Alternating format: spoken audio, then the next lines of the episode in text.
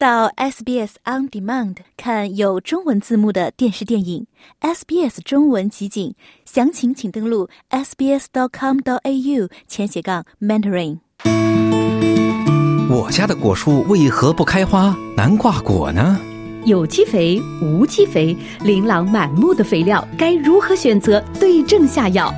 家庭园艺种植养护经验推广窍门分享。SBS 普通话电台园艺热线，每周五欢迎您拨打一三零零七九九三二三提问，听园艺高手在空中解答您的难题。听众朋友，欢迎您继续收听 SBS 电台每天早上两个小时的中文普通话节目，我是林默。现在呢，我们正在为您直播的是每周五的园艺热线。在今天的节目中呢，园艺高手张崇岩是要接着上周的话题呢，继续来跟大家介绍在澳大利亚一种非常常见的除虫药——除虫菊，它有哪些优点呢？那我们也先接通一下张老师的电话。张老师，早上好。呃。主持人好，大家好，早上好，张老师啊。那我们上周呢，也是跟大家简单的介绍了一下这种在澳大利亚非常常见的除虫药，叫做除虫菊哈。那能不能再跟大家回顾一下我们在上周啊讲到的这个除虫菊的几个优点呢？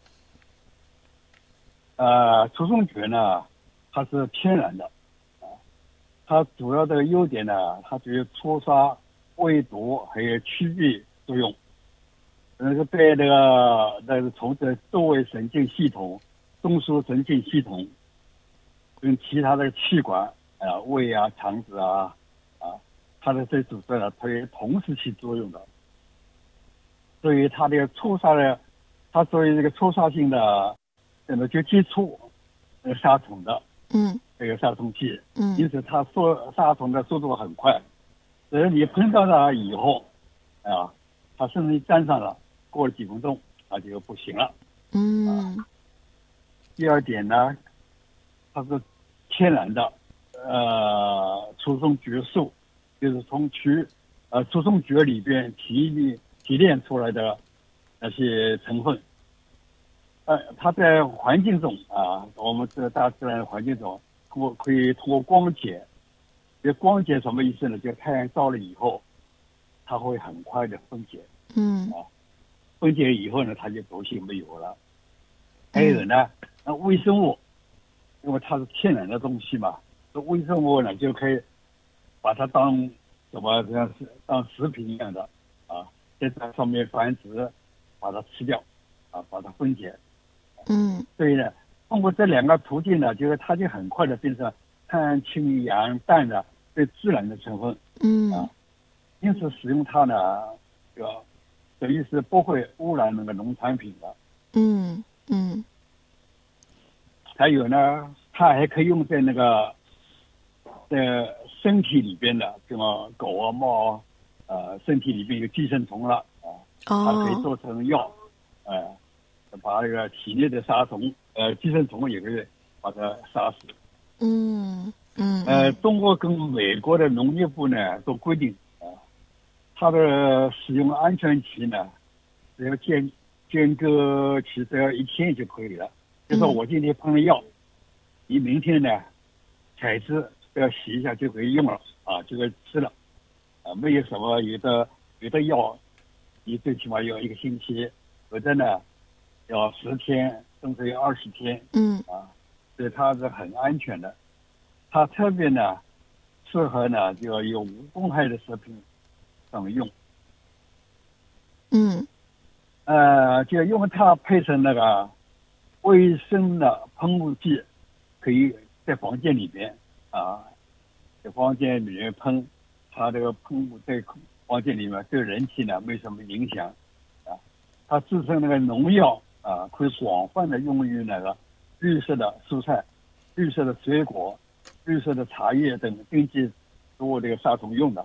嗯，那么现在大家都提倡嘛，要绿色的食品嘛，嗯嗯，就怕农药啊，对残留，对，对人体有影响。啊。嗯，我们现在也是可以放心的用。对，越来越注重这个食物的这个健康了，呃，这就是我们刚才提到的，在上周啊，张老师介绍的这个除虫菊的一些优点，包括它的这个起作用比较快啊，毒性低啊，安全性高，以及呢使用范围比较广这些优点啊。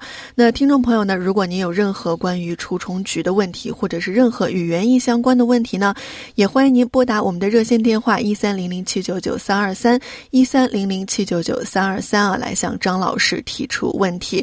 那今天呢，我们是想接着跟大家介绍，呃，除此之外，除虫菊还有哪些优点呢？张老师？它除了以上优点呢，它对那哺乳动物啊，就比较高等的啊，狗啊、猫啊这些动物呢，它是很低毒的。呃，因为既然能杀虫呢，也不是它一点毒都没有。嗯它说对哺乳动物呢，就是非常低毒的，这个影响很小的。它是现在呢现有的杀虫剂中中间毒性的最低的产品之一。嗯这是偶然呢被人呢不小心啊呃吃下去了啊，嗯就是小孩啊或者动物狗啊猫啊啊小动物啊，哎它在身体里面不会，它会马上呢就是很快的就身体呢迅速代谢啊，把它分解了。嗯就不会留下一些残余。就是用其配置农药啊，或者卫生的杀虫剂啊，就像过去那个当时说的蚊呃蚊香啊，都是呢呃用这些东西配的。嗯所以呢，这个是公呃国际上是公认的最安全的无公害的天然的杀虫剂。嗯还有呢，它是高效的广谱性，因为它效率高啊，因为它上次说了，它里边有六种的一个类似的杀虫成分，所以它它可以同时起作用啊，它胃毒啊、神经毒啊都可以，所以对杀虫呢具有高效的广谱性。呃，就是它这个不是针对某一期虫子，它凡是一个虫子啊，你喷上去基本上都是有效的。啊，还有呢，它出出杀的作用强，啊，致死率极高，啊，适用的呢浓度呢也比较低，你只嗯要喷到它身体接触了，啊，就不基本上就能够杀死它。嗯，就是不用很高的浓度是吧？就可以杀死它。对对，哎、嗯哎嗯还有它作用的速度很快，因为它有六种那个成分同时起作用的，所以你碰到以后，马上就你看到，你只要碰到它，看到它就，要不然多少时间，这个呃，这个几十秒，它开始抽筋了，啊嗯那个是是那个脚啊都抽起来了，嗯它还能呢就说，因为这个神经呢起作用了嘛，而且嗯毒死它的气门。嗯。就它这个作用方式比较广的。嗯，它这个很快就能够起作用，是不是也需要隔一段时间去喷洒一次呢？呃，因为假如你杀死成虫了，就可以杀死了。问题就是说你还要过几天呢，再杀一遍，另外还有虫卵，嗯还有其他地方也漂移过来的，所以呢，要杀，要起到有效的呃杀死害虫呢，就是要过一个星期啊几天再喷一次。嗯，还是需要定期的去喷一下啊。呃，嗯但是呢，就用的时候也要小心，也不是太安全的就会随便乱用的啊。嗯因为它对蜈蚣啊、鱼啊、青蛙啊、蛇啊这些动物呢，它有那个有毒性，有起麻痹作用，因为它主要是麻痹神经。嗯所以呢，我们在家里用啊，或者家里有点鱼池啊，啊，就不要小心，不要弄到，比如说我这个洗这个瓶子，嗯嗯。一不小心一倒就往手里倒了，这样嗯呢就对那个你池塘里面养的鱼呢就有影响了，嗯。太多了就要把它毒死了。嗯嗯，就是小心不要让这个鱼接触到这种除虫菊，是吧？对对对，嗯，因为你家里有时候也会养金鱼吗，对。对吧？对，啊，养嗯金鱼，假如你要碰蚊子的时候啊，碰什么东西啊，碰在上面了，呃，对鱼就不好了。嗯嗯，是也会养一些呃乌龟啊这种小动物啊。对对对对，嗯，要用的时候还是要多加小心。那刚才呢是我们讲到的竹除虫菊的一些优点啊，接下来能不能再跟听众朋友讲一下它的主要用途，可以用在哪里呢？它用途呢主要是杀杀死那个苍蝇、蚊子啊。啊，臭虫啊，蟑螂啊，蚂蚁呀，蚜虫，呃，介壳虫，红蜘蛛，蓟马，白粉病，白粉虱，啊，浅叶虫，啊，菜叶虫，啊，青虫，啊，那么很多的，基本上是虫子呢，它基本都能杀死，啊，主要是昆虫。嗯，嗯，所以它的杀死的范围呢还是比较广的。嗯，没错啊，可以用在很多的虫害上面。那呃，除了这个呃，我们家经常常见的这种虫害之外啊，我们也要小心。对于它的这个使用方法，我们要也也要用这个正确的方法去使用哈。所以呢，才能达到更好的这样一个除虫的效果。那接下来能不能跟我们的听众朋友来说一说，如何来正确的使用除虫菊呢？因为杀虫剂啊，一定要正确使用。嗯。呃，这个除虫菊呢，它要求也不高，因为它是初杀性的，喷要喷到它，接触了以后才能杀死害虫。所以呢，我们这个要掌握这个体积要求。呃，第一要按照那包装上那个那个比例啊去稀释。嗯。当然了，也有一种呢，它是已经配好的。带一个喷壶一起，一个直接喷就可以用了。嗯。呃，但是假如我们是种菜啊、种果树啊，它范围比较大。假如我们用，比如带喷壶呢，就价格比较成本比较高了。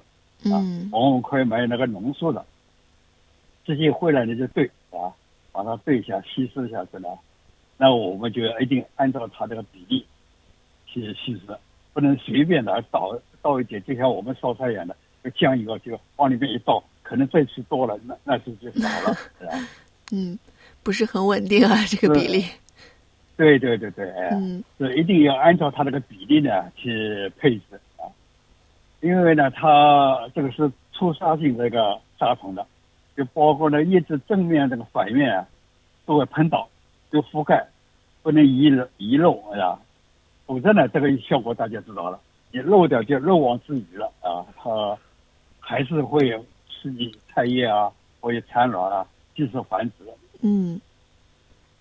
还有呢，它这个见光就很容易分解的，对吧？我们喷洒的时间呢，呃，现在是傍晚。嗯。啊，假如你早上喷了，那个太阳，中国太阳一天晒下来，它就分解了。嗯。啊，可能第二天就没作用了。那你傍晚喷了以后。一个药水没干啊，它容易渗透；第二个呢，它经过一个晚上没有光线呢，它保持那个杀虫的时间就更长。嗯，所以这个一定要注意的。嗯。第三呢，就是我们不能啊，跟石榴合剂啊、波尔多液啊、种植合剂啊，主要是碱性的农药混合一起用。嗯，那讲到这个混合性的话啊，咱们上几周也是跟听众朋友们介绍了这种白油的农药，这两种是不是可以混合使用呢？这可以的，因为它不是碱性的，嗯，呃，它它是中性的，啊，我们都洗洁精和肥皂，就是它很淡，假如最好用洗洁精的那种，嗯，它的碱性那个很低的，不像那石榴合剂啊。它里边是那个硫啊，那个那个石灰啊，都是强碱的。嗯。然后跟那个白油呢，也可以混在一起，因为白油呢，它提高它的腐蚀性。嗯。啊，但是身体上不会走掉啊，防止渗渗透。啊。嗯，所以两种油呃，这个杀虫剂是可以混合使用的，白油和这个除虫菊。嗯嗯，那如果混合使用的话，呃，比如说我们今天喷这个白油，明天喷这种除虫菊，可以这样来使用吗？还是说要间隔一定的时间啊？呃，不用了，这你可以今天隔一天就可以了。哦，嗯，那效果来说的话，嗯，我我说这个混合使用呢，嗯是什么意思呢？就白油跟那个除虫菊呢混在一起，哦。因为白油呢它有那个腐蚀性的，嗯。腐蚀上面不容易流失，哦，比如说，就像荷叶啊，那个那那个芋头那个叶子啊，你喷药水上面，它花全部流掉了。嗯嗯嗯。但是你有有那个白油这个成分在呢，它粘在上面的，哦，容易扩散的，呃，保持那个药性，呃，不会流失，提高那个效率。哦，所以药效可能会更好一点啊。对呀、嗯嗯，可以把这个白油加在这个除虫菊里面一起使用。嗯、不过一般呢，你假如碰到看到那个害虫啊，你碰它了，呃，直接碰就可以了。嗯嗯就是呢，也也可以，就要加白油，就不影响它的杀虫的效果的。嗯嗯，因为有的我就说呢，除非就碰到碱性的东西啊，它是混血的，就嗯没毒性了，就哦失效了。嗯啊嗯嗯，就抵消了 这个作用。嗯，对啊。嗯嗯还有呢，第四点呢，就是这个需要保。假如我家里因为不可能一次都用完嘛，嗯保存的一定要保存在避免高温啊、潮湿、阳光直射的地方，嗯。要放在比较安的柜子里边。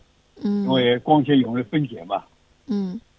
你还没用了，放了一个月，太阳直晒，等到你拿再拿出来的时候啊，它的有效成分呢就降低了，嗯嗯嗯。杀虫就杀不好了。嗯，说到这个储存啊，可能也是尽量放在呃避免孩子能够接触到的这个地方，会比较安全一点啊。对对对，哎，嗯。对对，嗯。因为这个包装上都会写的啊，给孩子你不要给他碰到，小孩都不懂的嘛，嗯嗯嗯，他不知道是什么东西。哎，嗯，有可能啊会在玩的时候不小心喷出来一点药，嗯，所以还是建议大家在储存的时候啊多加注意一下，如果家里有孩子的话啊，呃，那还有没有什么一些使用方面的建议啊，可以提供给我们的听众朋友呢？啊，有喷砂呢，就是刚才说了，一定要全面覆盖，一直正面跟反面全都喷到。嗯是吧？但是呢，有时喷呢，有每个人的这个的方式呢，就习惯呢都不一样，嗯，往往会漏掉些。那我们就建议呢，可以用那个蚊香，就把它熏杀啊。就说我尤其家里边呢，有小型的植物盆栽的啊，盆栽的植物呢，有时候你要喷药水呢也不方便，那你可以呢用它放在那纸板箱里边。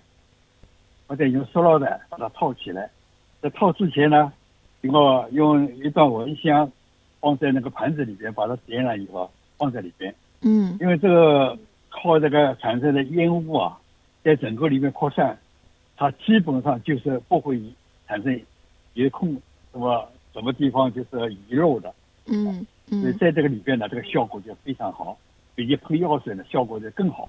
哦，嗯，所以对于这个小型的植物来说啊，可能用蚊香的效果会更好一点。呃，嗯这样的放呃可以每隔一个星期呢再来一次，呃连续三次，保证你把上面所有虫子呢都能杀死。嗯，就是可以连续使用三个星期。呃，而且燃烧过这个蚊香的灰啊，也不要扔掉，可以再把它撒在那个这个盆土表面，因为它还是有一定的药性的。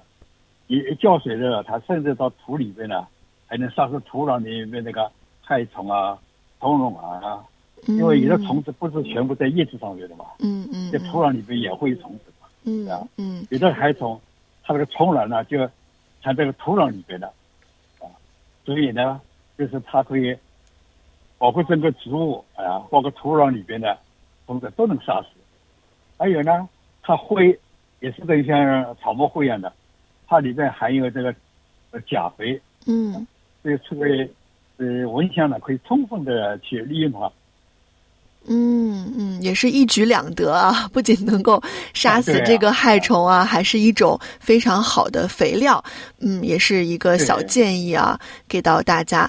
除此之外，还有没有一些什么好用的建议可以给到大家呢？呃，除虫菊呢，我们可以也可以自己种。嗯，因为除虫菊这些花朵里边呢，含有那个呃千分之六到千分之十三的除虫菊素，呃，那灰菊素。这两这是两种这个主要的杀虫的成分，啊，所以呢，它对害虫呢具驱避作用，就能减少这个虫害的发生，啊，呃，除虫卷呢，它有还有几种不同的颜色，嗯，所以如果在我们在家里边呢，呃，在花卉啊、蔬菜之间呢，就种种起这个除虫蕨，比如说在这花坛周围种一圈。或者在我们菜场周围，啊，种一圈，啊，种一排，都可以。这样呢，有那个美化环境，也能减少那个虫害的发生啊，尤其是蚜虫。嗯。那种子哪里来呢？我们在班尼市，啊，班尼市对我们大家都很熟悉的。嗯。反正家里面那个建筑呢，园艺方面呢，啊，都能买到。啊。嗯。嗯，那这个除虫菊是只要种在我们家里面就能够起到减少害虫的作用，是吗？因为它会散发出一种气味。对对对对。嗯，所以也没有什么额外的操作啊。不用的呀，它既有那个呃美化环境，嗯，还有你种在那边呢，个虫害呢闻到这个味道，它就离开了。嗯嗯嗯嗯，自然而然的就减少了。还有呢，我在那个网上也找了一些那个关于它那个为什么能够呃驱避作用那个那个信息啊，我就这里说一下。呃，经过研究发发现呢，除虫蕨呢，它在刚开花的时候，它化释放出来那个那个那个那个储存激素啊，这个浓度最高。嗯。它呢会挥发出一种这个蚜虫报警的信息素。嗯，比如说了，我这里蚜虫很多了啊，呃，蚜虫它会分泌这树的，我这里蚜虫密度太高了，你可以走开点，到另外的树上再去找吃吃的东西。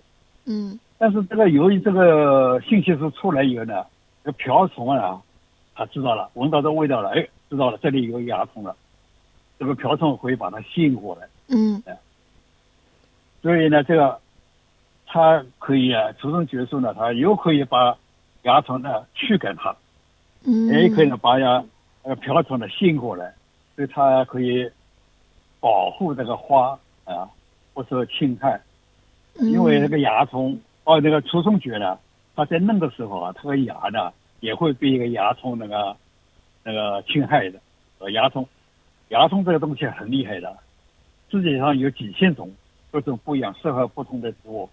所以呢，除虫节，因为它在刚刚嫩芽的时候、小苗的时候，它除虫节数呢就比较少，它也会受到侵害。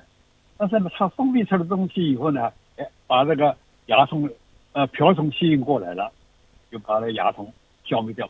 嗯，说天然的、自然界的，它动物之间的互相这个牵结啊，很很那个奇妙的。嗯。那我们现在的线上也是有哎听众在等待，刚才是一位李女士啊，我们尝试来接通一下这位听众的电话好吗？李女士你好，哎你好，你好，请问您有什么问题想咨询张老师呢？哦，我想问一下，我刚才没听清，嗯，您这个除虫菊是一种品牌的杀虫剂还是呃一种树？它是菊花，是一种花，一个植物。一种植物，就就像我们国内种菊花种了很多的嘛，但除虫菊呢是菊花中间的一种。哦，那是种在盆子里的还是土地上的？都可以啊，它不是很大的。哦，在哪里能买到？而且他这，现在我刚才不说了，在班宁市它有种子。哦，有的是吧？播种。哦。对。哦哦，不是树，是买的种子自己种。对呀，哦，那我请问，你这个你看，呃，国内那个种菊花，你看到过吗？我看到过。对呀、它就类似，跟菊花差不多的，形状也差不多。哦，它不是高大的树，就是可以盆栽的，是不是？对对，呃，也不是要需要每年都栽，它大概可以几年的寿命，它活个三年四年大约。哦，三四。哦，我想请问您一个问题，我就在巴宁买的那个辣椒，它买的时候就是已经结结了绿的小辣椒了，现在它长红了，我想给它摘下来。那么摘下以后，这整棵植株是不是要嗯、剪枝啊？啊，可以啊，喂，那呃，剪枝你要看的，因为辣椒采了以后，也因为它能够长的时候，它就会长得很密的嘛，插枝很多的，就是靠近盆土的地方，啊，靠地面的那些插枝把它剪掉去，还有辣椒假假如长得太密呢，把中心呢把它剪掉，让它长分枝。那它一年四季都长，还是说只在春天才长？说再说一遍，我没听清楚。就是就是这个辣椒，它是一年四季都会结辣椒，还是说我剪了枝以后还要等到春天再结开花结果，到夏天再生长辣椒？呃，很快的，因为你修剪的，这时候你修剪呢，不要这个大剪，长得太密了、太多的地方剪掉些，它会会长出分枝，它会不停不不停的长，不停开花。现在这个辣椒也在开花结果啊，哦，它就到冬天的时候，它会哦停下来了，哦它也会过冬。像我一个那个呃风铃辣椒，它个辣椒结的像个小铃铛一样的，已经四年了吧？今年。我的也是小的。嗯。哦，那大约有我今天买的是比较小的一盆儿，所以要换一个大盆儿，是不是？当植株大了，我就要换换盆了，因为凡是你盆栽的播冬啊，都是把它翻盆翻一下，因为一年下来一个土啊，就是哦你追水追的，但是它下面土里边那个营养养呃营养太少了，所以呢，哦。到冬天的时候呢，是如果生长比较慢，需要水啊、肥啊比较少的时候，把它拿出来，下面的土啊拿掉一些，再换上新土，最好再换大一号的盆。哦，我我想请问您，那个就是那个矮矮矮的那个柠檬树，是种在盆子里的，还是种在嗯院子里好？当然种在地上好了。哦，那它要离墙多远才好？那，那要看你这个树多大了，因为树有一种是一个正常的，还有一种形成矮化的，啊，矮化就比较小了，但离墙大概可能也要一米吧。一米。太要是大树呢？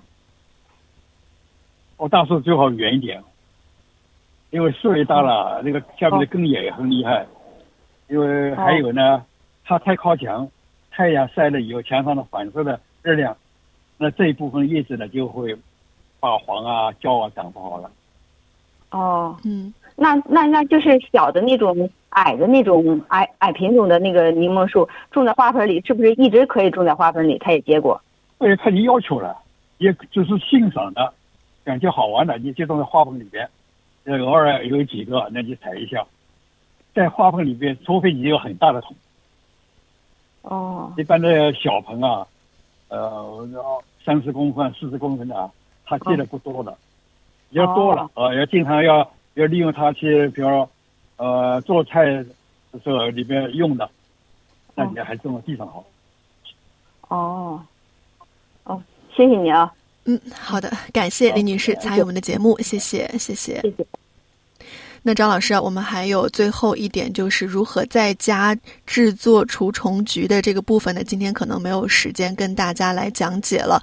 不过呢，我们也会把这样一个内容啊发在我们的网上，听众朋友也可以登录我们的网站 sbs 点 com 点 au 前斜线 Chinese 去来看。怎么样在家里面自制除虫菊啊，也是非常的简单。那也非常感谢张老师再次做客我们的节目，跟大家分享了很多关于除虫菊的使用方面的一些小窍门和小技巧，也希望听众朋友们能够从中受益。那听众朋友们，今天早上两个小时的中文普通话节目呢，到这儿就全部播送完了，非常感谢各位的收听。我们明天早上七点再会。懂广东话的朋友呢，也欢迎您继续收听我们九点到十一点的中文广东话节目。